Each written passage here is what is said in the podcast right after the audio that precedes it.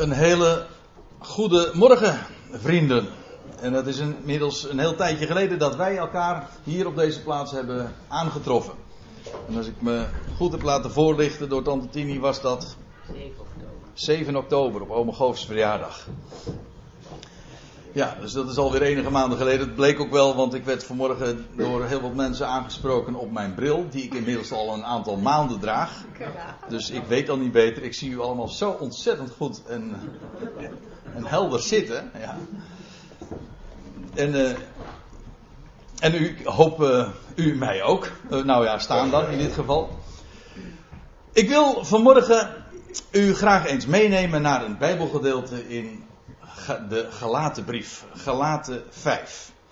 En ik, u ziet op het scherm dat ik het als thema, als titel heb meegegeven van de genade vervallen. Een titel die niet helemaal terug te herleiden is tot de NBG-vertaling, want er staat het net iets anders weergegeven. Ik zal het straks nog even nader toelichten.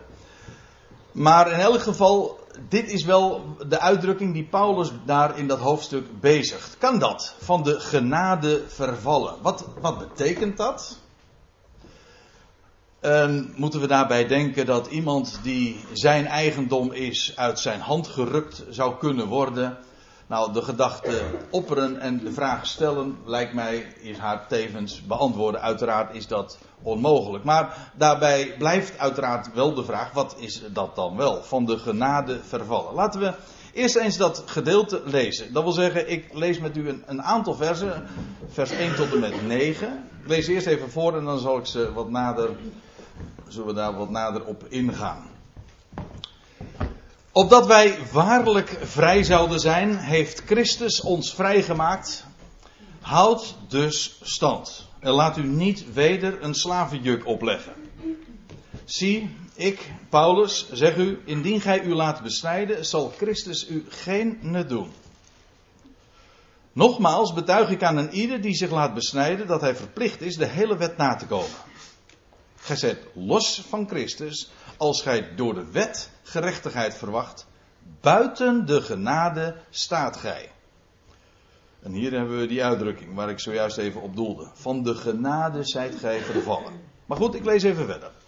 Wij immers verwachten door de geest uit het geloof de gerechtigheid waarop wij hopen. Want in Christus Jezus vermag nog besnijdenis iets, nog onbesneden zijn, maar geloof. Door liefde werkende. Gij liept goed. Wie is u in de weg gekomen dat gij aan de waarheid niet meer gehoorzaamt? Die overreding kwam niet van hem die u roept. Een weinig zuurdeeg maakt het hele deeg zuur. En met deze zure opmerking wou ik de schriftlezing maar besluiten. En het lijkt mij een goed idee, voordat we bij dat bewuste vers 4 aankomen, en wat ik toch wat speciaal in de picture wil plaatsen, om eens even bij het begin te beginnen. En ik, heb, en ik neem u mee naar de, de, de tekst en u onderaan, dat is wellicht wat vreemd voor de meesten van u, maar tegenwoordig doe ik dat wel vaker op deze manier. Uh, dat, is, dat, dat noemen ze een interlineair. Interlineair betekent gewoon tussen de regels.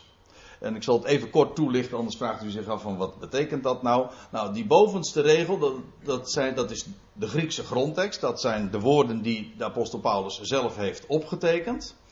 Daaronder staat een, in dit geval een Engelse, maar een vrij letterlijke, of zoals dat dan ook heet, een concordante, een zoveel mogelijk één op één weergave. De meest letterlijke weergave. En daar, daaronder is de Nederlandse vertaling, de MBG in dit geval, die de meeste van u, ik in ieder geval zelf, altijd uh, gebruiken. Zodat je uh, ziet, ja, de, de weg die de, de tekst, de oorspronkelijke tekst is gegaan tot uh, de fase waarin wij ermee vertrouwd zijn, namelijk de, de Bijbelvertaling.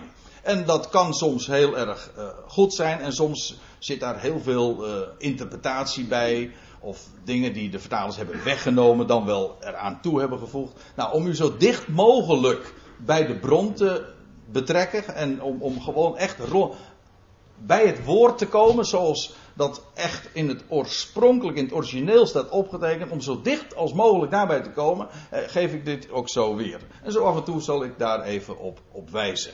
Het is niet direct een Bijbelstudie vanmorgen, maar toch, ik wil uh, graag u bij dat woord bepalen, want ik hoop dat u hier in ieder geval niet gekomen bent om nou eens een keertje naar een praatje van André Pieter te luisteren. Want wat, uh, wat, uh, wat heeft een mens daaraan? Ja, ik bedoel, je kunt iets, je kunt een presentatie maken, je kunt het opsmuk geven, maar het enige wat werkelijk soelaas biedt, het enige wat antwoord geeft, wat leven is, wat kracht is, wat vreugde is, zoals Ron het zojuist ook in zijn gebed zei, en wat dat kan geven, dat is de schriften. Dat is levend. Het woord van God is levend en krachtig en scherper dan enig tweesnijdend scherp zwaard. Kortom, wat zouden we anders doen als we hier bij elkaar zijn dan dat woord gewoon te laten spreken? Dat heeft kracht. En dat wil ik zo zuiver mogelijk doen. Goed, laten we eens naar dat eerste vers van hoofdstuk 5 gaan. Opdat wij waarlijk vrij zouden zijn, heeft Christus ons vrijgemaakt. Het staat eigenlijk in een hele tijdloze vorm. Tot vrijheid heeft, maakt Christus ons vrij, ongeacht wanneer. Dat feit wordt gesteld. En dan moet ik eventjes bij iets bij zeggen, want ja, inmiddels zijn wij in gelaten 5. Dat betekent dus dat er vier hoofdstukken aan deze brief vooraf gegaan zijn. Kijk, Paulus, ik zal het even kort de situatie schetsen die hier uh, aan de hand was. Paulus had daar ooit in de, die landstreek van Galatië het, het evangelie van Christus gepredikt, het evangelie van Gods genade. En met succes, dat wil zeggen, er waren mensen tot inzicht gekomen, het hart was geopend voor die machtige boodschap. En, ze, en dat, daaraan wordt ook gerefereerd in deze brief. Er was een enorme vreugde en vrede en, en Gods geest werkte daar. En ze stonden in dat evangelie. Maar toen kwamen er predikers uit Jeruzalem wellicht, maar in ieder geval judaïsten, zo worden ze ook genoemd in Galaten 2 vers 14. Die wilden de gemeente, het was een, u moet weten, dat vergat ik er nog bij te zeggen, het was Galatië in het huidige Turkije. Dat was een, voor het grootste gedeelte waren dat heidense gelovigen, dat wil zeggen niet Joods. En nou kwamen zij nu waren zij gelovig geworden en nou waren daar predikers gekomen en die, zeiden, die wilden hen judaïseren. Dat is een uitdrukking die we vinden in hoofdstuk 2 vers 14. Judaïseren betekent verjoodsen. Als joden laten gedragen.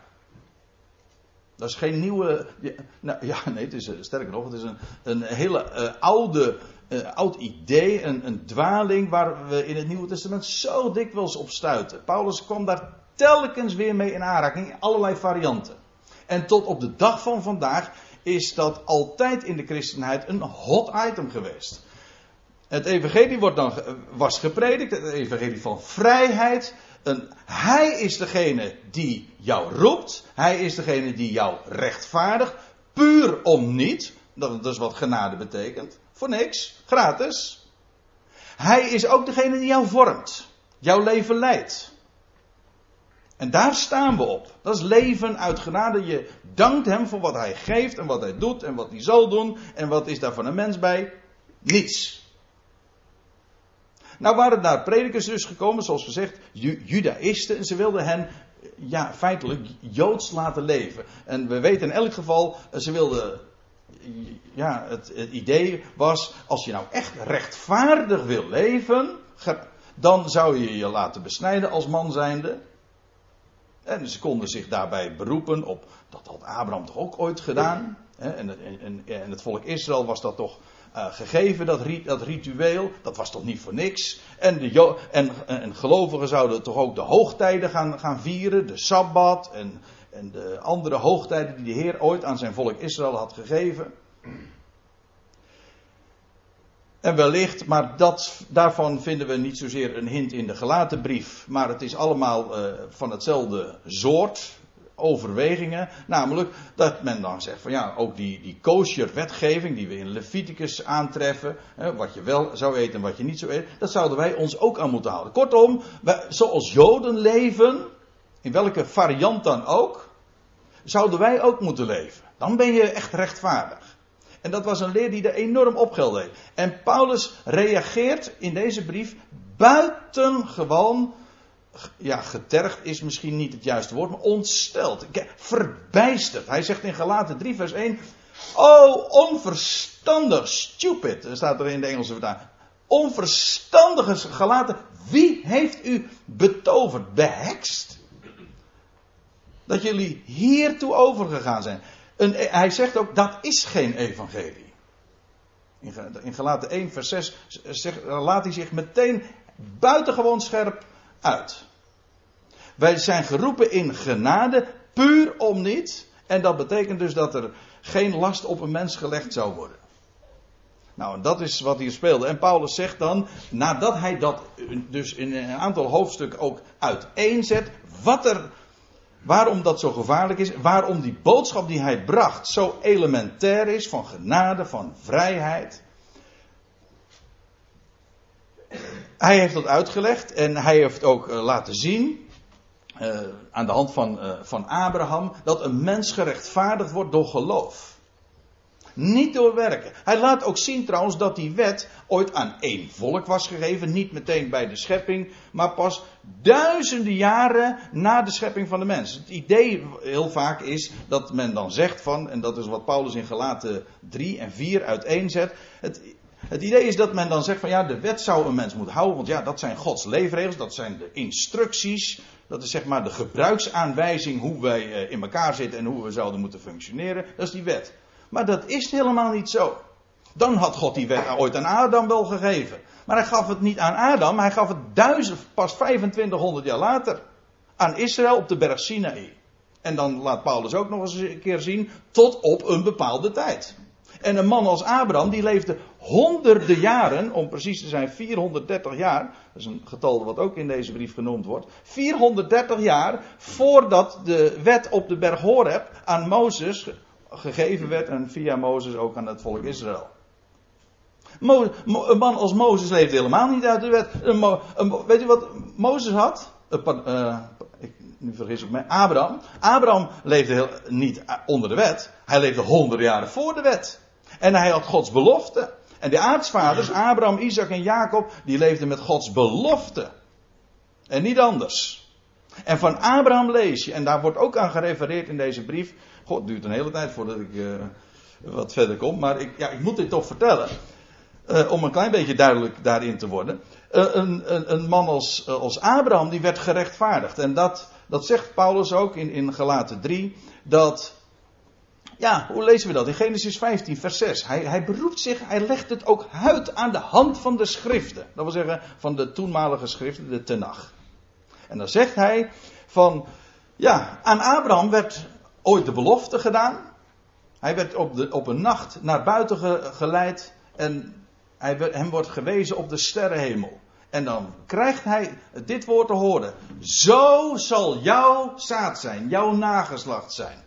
Als de sterren des hemels. En dan staat er een heidense Abraham. Hè? Iemand die uit Ur der Galdeeën geplukt was, om zo te zeggen.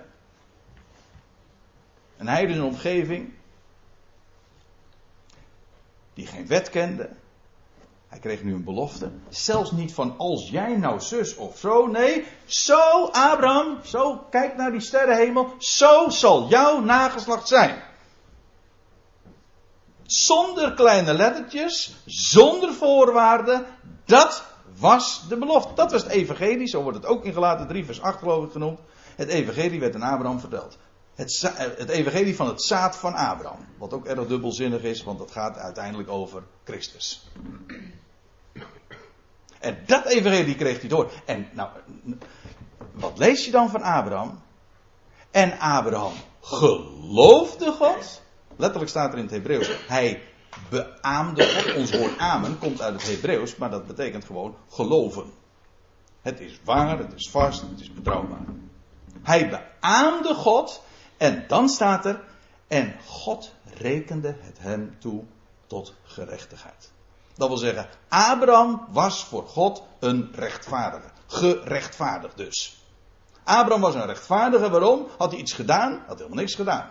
Want dat, hij had een belofte gekregen. Daar kon hij ook helemaal niks mee doen. Hij kon niet werken. Kijk, als, ik een als je een opdracht krijgt. Die zegt van je moet zus of zo. Nou, dan, dan word je het werk gezet. Dat is werken. Dan wordt er een eis gesteld en jij kunt aan die eis voldoen of niet. Dat is, altijd, dat is het grote punt natuurlijk altijd. Als er iets van je verwacht wordt. Dat, dat kan ook tot frustratie dan weer leiden. Maar God, dat speelde allemaal niet bij Abraham. Abraham kreeg een belofte. En, en Abraham die heeft God betrouwbaar geacht. Hij zei, u zegt het. Ja, het was inmiddels een oude man. Zijn vrouw was onvruchtbaar. We lezen elders ook. Hij was zelf een verstorvene. En zijn vrouw ook. Kortom, naar de mens gesproken was het complete onzin. Dat kon helemaal niet. Maar goed, als God het zegt, mijn schepper, de Almachtige, als hij zegt, zo zal jouw nageslacht zijn. Ja, waarom zou ik dan gaan berekenen van, ja, dat kan helemaal niet naar de mens gesproken. Nee, maar het zei, het zei, een mens zei het ook helemaal niet tegen hem. God zei het tegen hem. Dat moet toch meer dan genoeg zijn. En Abrahams logica, geloofslogica, die heeft gewoon dat beaamd. Zo is het. En Abraham was een rechtvaardige. Dus, het idee daarbij is niet op grond van prestaties, niet op grond van wet, want dat duurde nog honderden jaren voordat dat aan Israël gegeven zou worden, maar op basis van genade. Op basis van een belofte werd Abraham rechtvaardig gerekend. Hij geloofde God. Dat is geloof. Niet iets doen, maar gewoon beamen wat God belooft. Nou, en in, ja, als je die boodschap van genade, dat is gratis. En dan die, dat is een boodschap die ons ook vrijstelt. Dan wordt er dus niet meer iets van verwacht. Dus je moet zus of zo leven, je moet dat gaan doen, of je mag dat vooral niet doen. En dat was eh, wat er in, in Galatië speelde. Men wilde de mensen een belast opleggen. En dan is er dus geen genade en er is geen vrijheid meer. Opdat wij waarlijk vrij zouden zijn, heeft Christus, maakt Christus ons vrij. En dan houdt dus stand. Blijf dan staande daarop. Ze stonden daar ooit op. Jawel. Op deze boodschap. Op de, dat was juist de grond onder hun voeten. Dat was het evangelie wat men beaamd had. Maar waarom? Waarom had men zich daarvan laten afleiden? Het was zo'n geweldig groot goed. De vrijheid waarin we mogen leven. Zonder lasten van dit moet en dat mag niet. Houd dus stand. Blijf daarop staan en laat je er niet van afbrengen. Dus de boodschap trouwens, die, die we zo dikwijls in, in het Nieuwe Testament, in de, in de brieven weer tegenkomen. Houd stand. Wees of word standvastig. Tegen de Corinthiërs wordt het gezegd. Onwankelbaar. Tegen hen wordt er trouwens nog bij gezegd van, word standvastig, onwankelbaar, steeds overvloedig in het werk. Ja, niet voor de Heer, maar het werk van de Heer. Dat wil zeggen zijn werk. Dan heb je hetzelfde weer. Standvastig in die boodschap. En laat je niet weder een slavenjuk opleggen. Wordt niet weer met een juk van slavernij ingepalmd. Dat is eigenlijk de, de, het woord wat gebruikt wordt. Want in feite dat was wat ermee gebeurd was. Ze waren behekst, betoverd. En ze waren, in, ze waren er gewoon ingeluisterd, zeggen wij dan.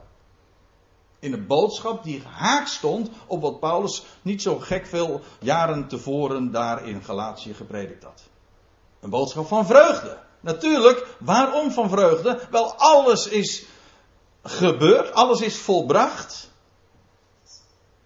Hij is degene die alles doet. Hij is degene die alles geeft. Ja, daar wordt, dat, dat druk kan een mens niet neerdrukken. Wat drukt een mens nou neer? Op het moment dat er iets van je verwacht wordt, waarmee je belast wordt, dat drukt neer. Maar als je nou gewezen wordt naar boven, naar een God, die voorziet, die geeft, die belooft, om niets, zonder enige voorwaarden en zonder prijskaartje. Ja, dat is wat blij maakt. Dat is ook wat genade trouwens betekent. Genade betekent vreugde om niet. Dat wil zeggen gratis. En laat je niet weer met een juk van slavernij inpalmen. En word niet weer daarmee ingepalmd. Ik, ik zei al, die, uh, die Galaten, dat was voor een groot gedeelte zo worden ze ook aangesproken als mensen met een achtergrond vanuit de natie, niet Joods. En in Galaten 4 lees je ook dat ze ooit ehm, de afgoden dienden. Die afgodendienst had trouwens ook zo zijn rituelen. En zijn, zijn wetten en zijn geboden. Ja, van een andere orde. Maar weet je wat Paulus eigenlijk zegt? Wat als jullie dat doen, hè, als nu jullie weer terugkeren, of nu jullie je laten inpalmen door een leer, door je onder de wet te stellen, laat je opnieuw weer, let op dat woordje weer, hè, weder. Komen jullie weder onder een slavenjuk te staan.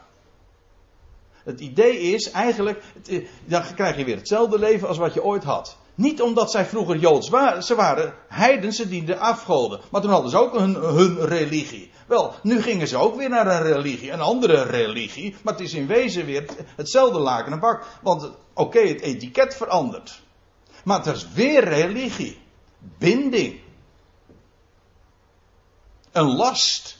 Dat wat een mens moet doen, want dat is wat godsdienst is. Een mens moet God dienen. Het evangelie is niet dat een mens God dient. Het evangelie is de boodschap dat God de mens dient. Dat wil zeggen, hij is ons van dienst. En hij verwacht niets, hij geeft. Dat is het evangelie. Dus als u in die zin over godsdienst wilt spreken, dat is prima. Maar dan wel, inderdaad, hij dient ons. God is ons van dienst. Hij geeft. Nou ja, Word niet weder met een juk van slavernij ingepalmd. Zie ik, Paulus, zeg u, indien gij u laat besnijden, zal Christus u geen nut doen. Wat er hier aan de, aan de orde was. Paulus heeft helemaal niks tegen de besnijdenis. Hij, hij, sterker nog, elders lees je ook dat hij uh, zegt van wat is het nut van de besnijdenis. Nou, dan zegt hij velelei. Maar het gaat hier om gelaten, heidense mensen, die zich nu lieten belasten. En die, die dachten dat je rechtvaardiger werd doordat je je liet besnijden. Nou, en Paulus zegt, als je dat denkt, dan is, zal Christus je geen nut doen, geen enkel voordeel opleveren. Dan ben je zelfs voor niks een gelovige geworden. In de praktijk dan. Hè. Natuurlijk, dat de Heer jou vasthoudt, dat staat buiten kijf. Laat dat duidelijk zijn. Maar in de praktijk leef, heb je er helemaal niks aan. Nogmaals betuig ik aan een ieder die, die, zich, uh, laat besnijden, die zich laat besnijden dat hij verplicht is, dat hij schuldig is, heel de wet te doen. Ja, want als je, als je dan die wet doet, omdat je een onderdeel daaruit pikt. En je zegt van ja, dat is omdat we rechtvaardig zouden leven. Als je dat niet doet, dan, ben je niet, dan leef je niet rechtvaardig. Nou, dat betekent dus dat je ook al die andere dingen moet gaan doen. En kennelijk was het daar in Galatië nogal, want dat is eh, wat ook zo de, tussen de hoofdstukken zo doorklinkt. Eh, men was daarin eh, selectief. Bepaalde dingen, dat zie je trouwens altijd. Hè? Als mensen onder de wet leven, dan pakken ze niet de hele wet, nee, dan pakken ze bepaalde onderdelen. Of de sabbat of de kosher-wetgeving. In, in Galatië was de besnijdenis populair. En bepaalde dingen. Maar dat. Uh, dat, dat gaat niet. Hij zegt, want als je één onderdeel van, daarvan doet, om, om, om, dat, om daardoor gerechtvaardigd te worden, nou, dan zou je alles moeten nemen. Gij zijt los van Christus. Letterlijk staat trouwens, jullie werden los van Christus. Zo spreekt hij ze eigenlijk al aan. Hoe? Hoe werden ze los van Christus? waren ze zo zondig gaan leven? Nou, lees even door jullie werden los van Christus. Ja, als gij door de wet gerechtigheid verwacht. Het staat er eigenlijk nog korter. Ik ga er nu eventjes aan voorbij. Maar gij zit los van Christus. Indien gij door de wet gerechtigheid verwacht. En dan staat er, en nou komen we bij het punt. Buiten de genade staat gij. Van de genade vervallen jullie. Dus dat kan. Dat is wat er met die Galatiërs dus speelde. Of gelaten, wat moet ik zeggen. Van de genade zijn jullie uitgevallen. Ik las toch zojuist in vers 1. Sta in die genade. Nou, dus ze stonden niet meer in die genade. Ze kenden die boodschap, maar ze waren er niet in staande gebleven. En, met, en nu waren ze van de genade, waar ze op stonden, vervallen. En wat is nou van die genade vervallen? Is dat dat je de wet overtreedt? Nee. Nou, het, antwoord sta- staat erbij. In, als gij door de wet gerechtigheid verwacht. Dus zij dachten dat als je nou naar de wet leeft, dat je daardoor een rechtvaardige wordt. Het was dus niet dat zij de wet overtraden, maar ze dachten dat als ik nou probeer, let op dat woord, probeer voor God te leven op die en die manier, als je dat denkt, ben je van de, ben je van de genade vervallen.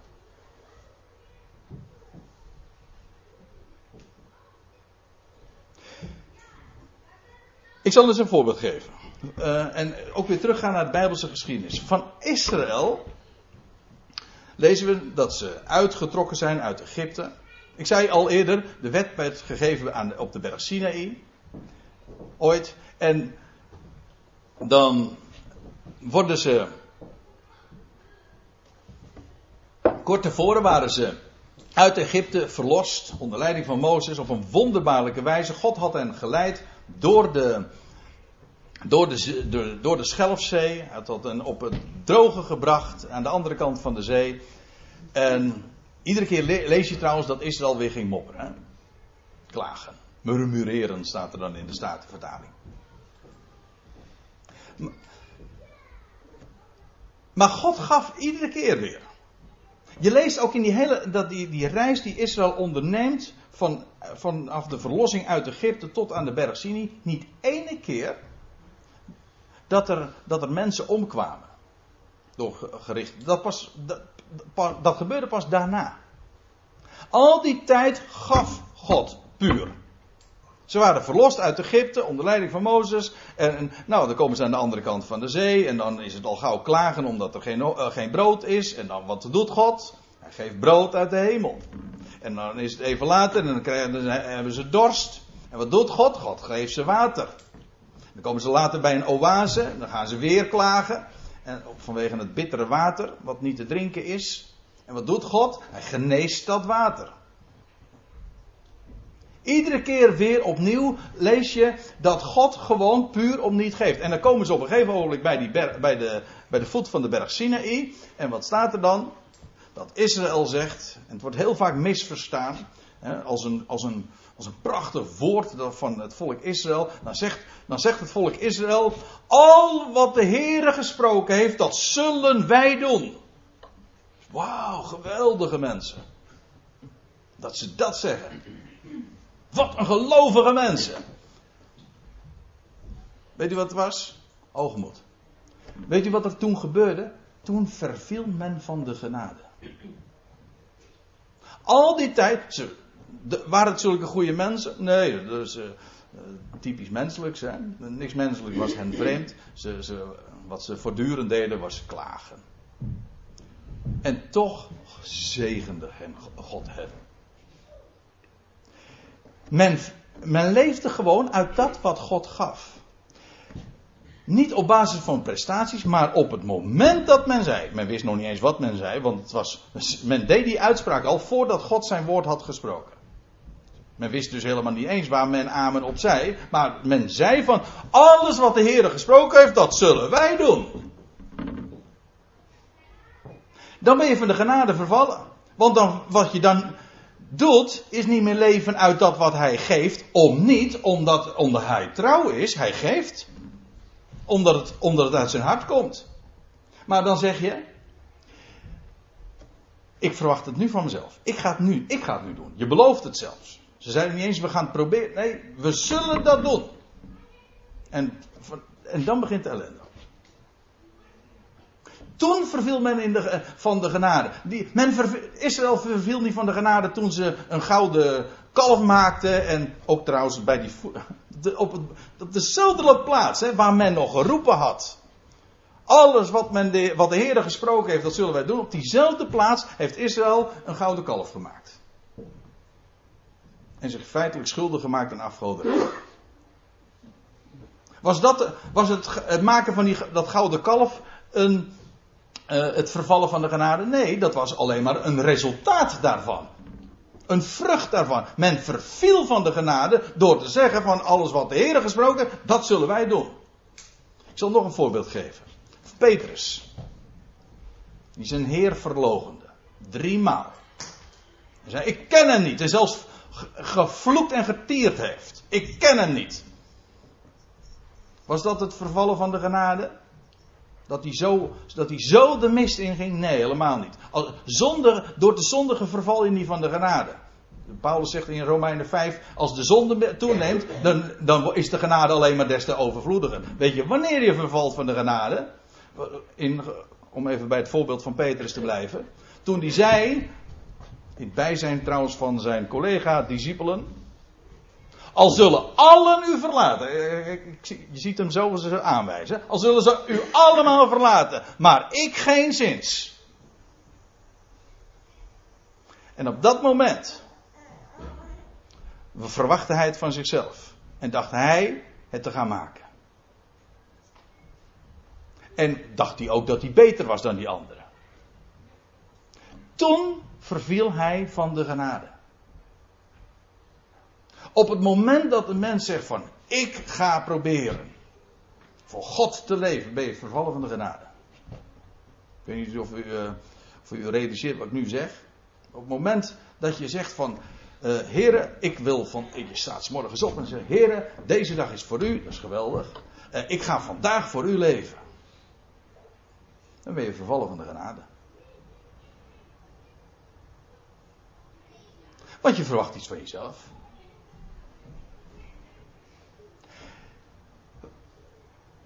Leven op basis van werken wil zeggen dat jij dingen gaat doen die God dan van jou zou verwachten. Leven uit genade, dat wil zeggen, hij geeft en je dankt hem voor dat wat hij doet. En je staat s morgens op. Ik, we hadden het er net over, gelaten 5 vers 1. Dus blijf, staat vast in die genade. Weet je wat dat betekent? Je staat morgens op. Ik vind het altijd wel een mooi beeld. Hè? Je staat op. En je, en je staat in de genade. Heer, dit is uw dag. U bent degene die mij zegent, puur om niet. En u bent degene die mijn leven leidt. En u wijst me de weg. U geeft me de kracht. U geeft me alles wat ik nodig heb. Kijk, dat is leven uit genade. Je dankt hem voor wat hij geeft. En ook zal geven. En niets van jezelf verwachten. Want dat, juist dat is frustratie. Want je zal altijd plat gaan. Onderuit gaan. Niet, niet waar dan? Op het moment dat je. Hoe vaak is het niet zo? Dat de mensen zeggen. De, de, bekend is het, uh, het 1 januari fenomeen. Hè, dat mensen zich allerlei dingen voornemen. Dat ga ik doen. En uh, aan inzet ontbreekt het uh, dikwijls niet. Ijver hebben ze wel. Maar het is precies zeg, wat in het boek Spreuken al staat. Zonder verstand deugt zelfs ijver niet. En van Israël lees je in Romeinen 10. Ze hebben wel, Paulus zegt zelf als Jood, hij kon het weten. Hij zegt, ik getuig van hen, hij heeft het over zijn Joodse volksgenoten, de orthodoxie. Hij zegt, ik getuig van hen dat ze ijver hebben. Dat wil zeggen, een godsdienstige ijver van heb ik jou daar. Hij zegt, maar zonder verstand. Zonder inzicht. Zonder idee van wie ze zelf zijn. Ze, ze verwachten het gewoon van zichzelf. En het is, het is genade waarop een mens leeft. Werkelijk kan leven. Dan kan je opzien naar boven. Of hoe denkt u nou dat je gezegend, een gezegend leven hebt? Is dat omdat je, omdat je zo goed leeft? Dat je het verdient? Er staat in ook in het boek Spreuken. Dat. Dus, dus ja, uh, ik zit even te denken, staat het in Spreuken of staat het in de, in, in de Psalmen? Blijf ik even vanaf. Maar daar staat de zegen des Heren, die maakt rijk. En zwoegen voegt er niets aan toe. En hoe vaak hebben we het idee, het idee van, nou, ja, nou, die hebben het goed, hè? We, hebben het rijk, maar ja, we, we werken er ook hard voor. Hm? Ja, we werken er hard voor. Ik heb het wel verdiend. Het hele idee van verdienen staat haaks op genade. Genade wil zeggen, je krijgt het puur om niet. En blijf daar nou in staan. En sommige mensen die denken van ja, dat, dat, Zo, mak zo makkelijk kan dat toch maar niet wezen. Hè? Mensen vinden het een gevaarlijke boodschap, want ja, daar kun je misbruik van maken. Hè, als het allemaal zo makkelijk is. Als het zo makkelijk allemaal gaat. Maar wat Paulus nu juist zegt, het is zo makkelijk, want hij geeft het. En men, men, je kunt wel zeggen van ja, we, moeten hem al, we zouden hem alle eer geven. Maar hoe kun je hem alle eer geven als je zelf het werk doet?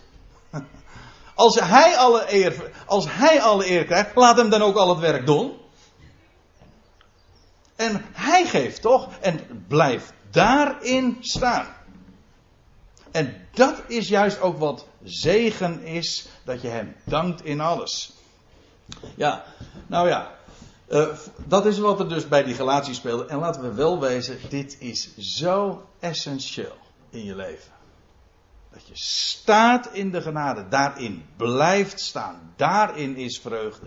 En van die gelaten lees je nog, ik lees nog even verder. Wij immers verwachten door de geest uit het geloof de gerechtigheid waarop wij hopen. Die wij eigenlijk, die wij verwachten. Hopen, dat klinkt nog weer zo, zo onzeker. Ik hoop dat het morgen mooi weer is. Ja, ik weet het niet. Nee, verwacht is het. Maar het geloof want in Christus Jezus vermag nog besnijdenis iets, nog onbesneden. Het maakt helemaal geen enkel verschil. En ook niet of je de Sabbat nou houdt of niet, of koos je eet, of al dat soort dingen. Het vieren van speciale dagen. In wezen, het, hele christendom, ook als religie, is ook gebaseerd op niet alleen op het idee van verdienen.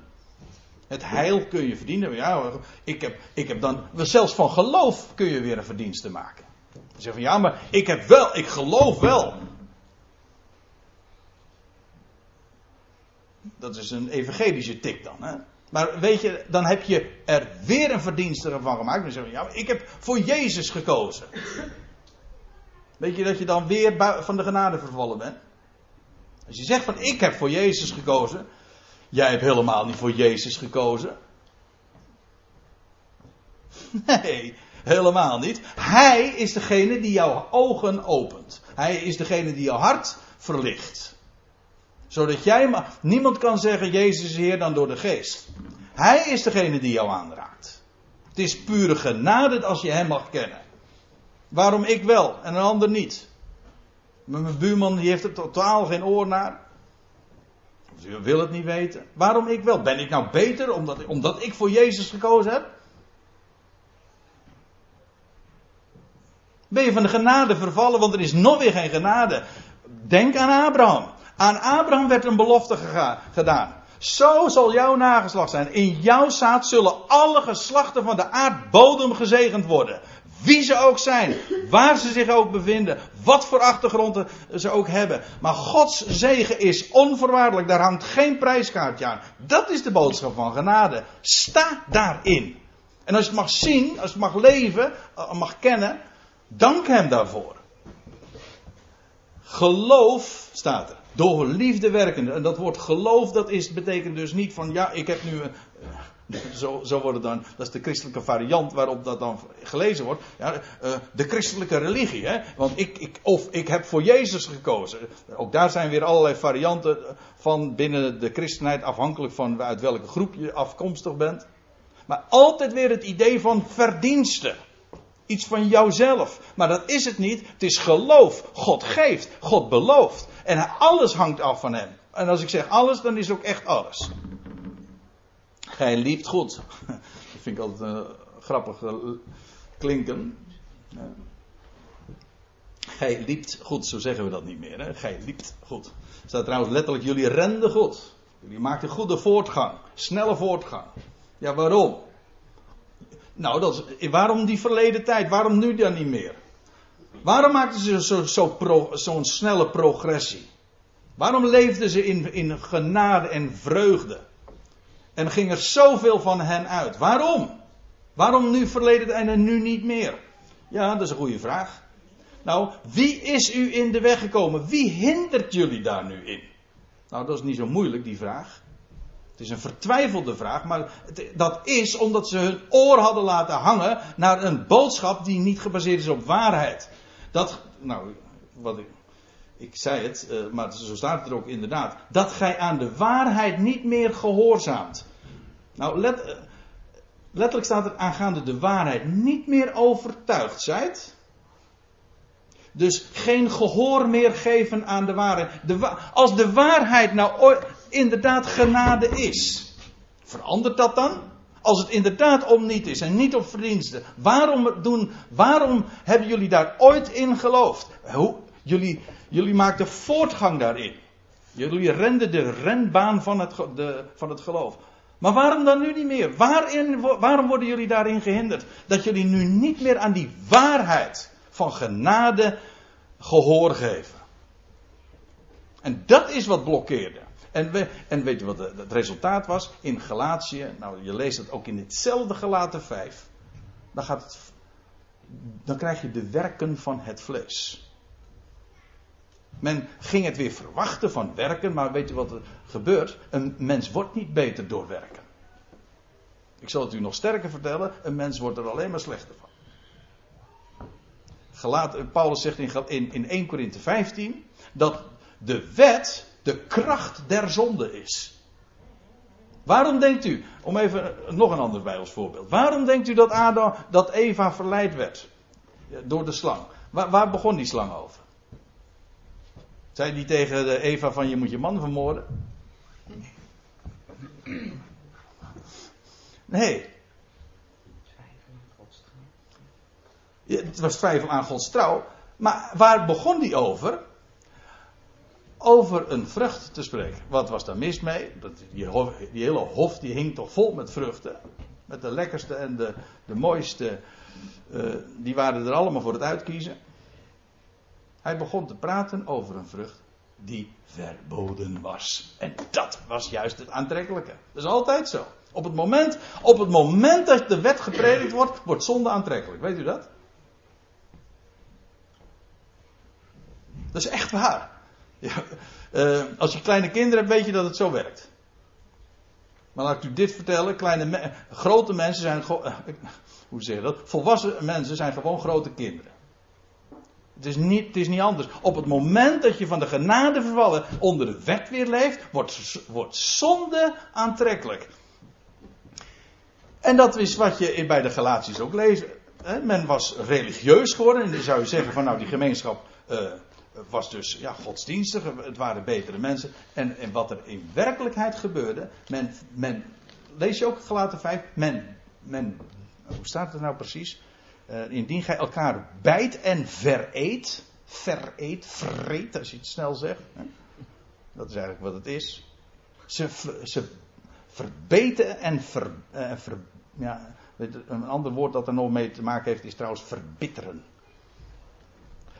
En, en, en men frat elkaar op. In figuurlijke zin. Men, er, was, er was geen liefde.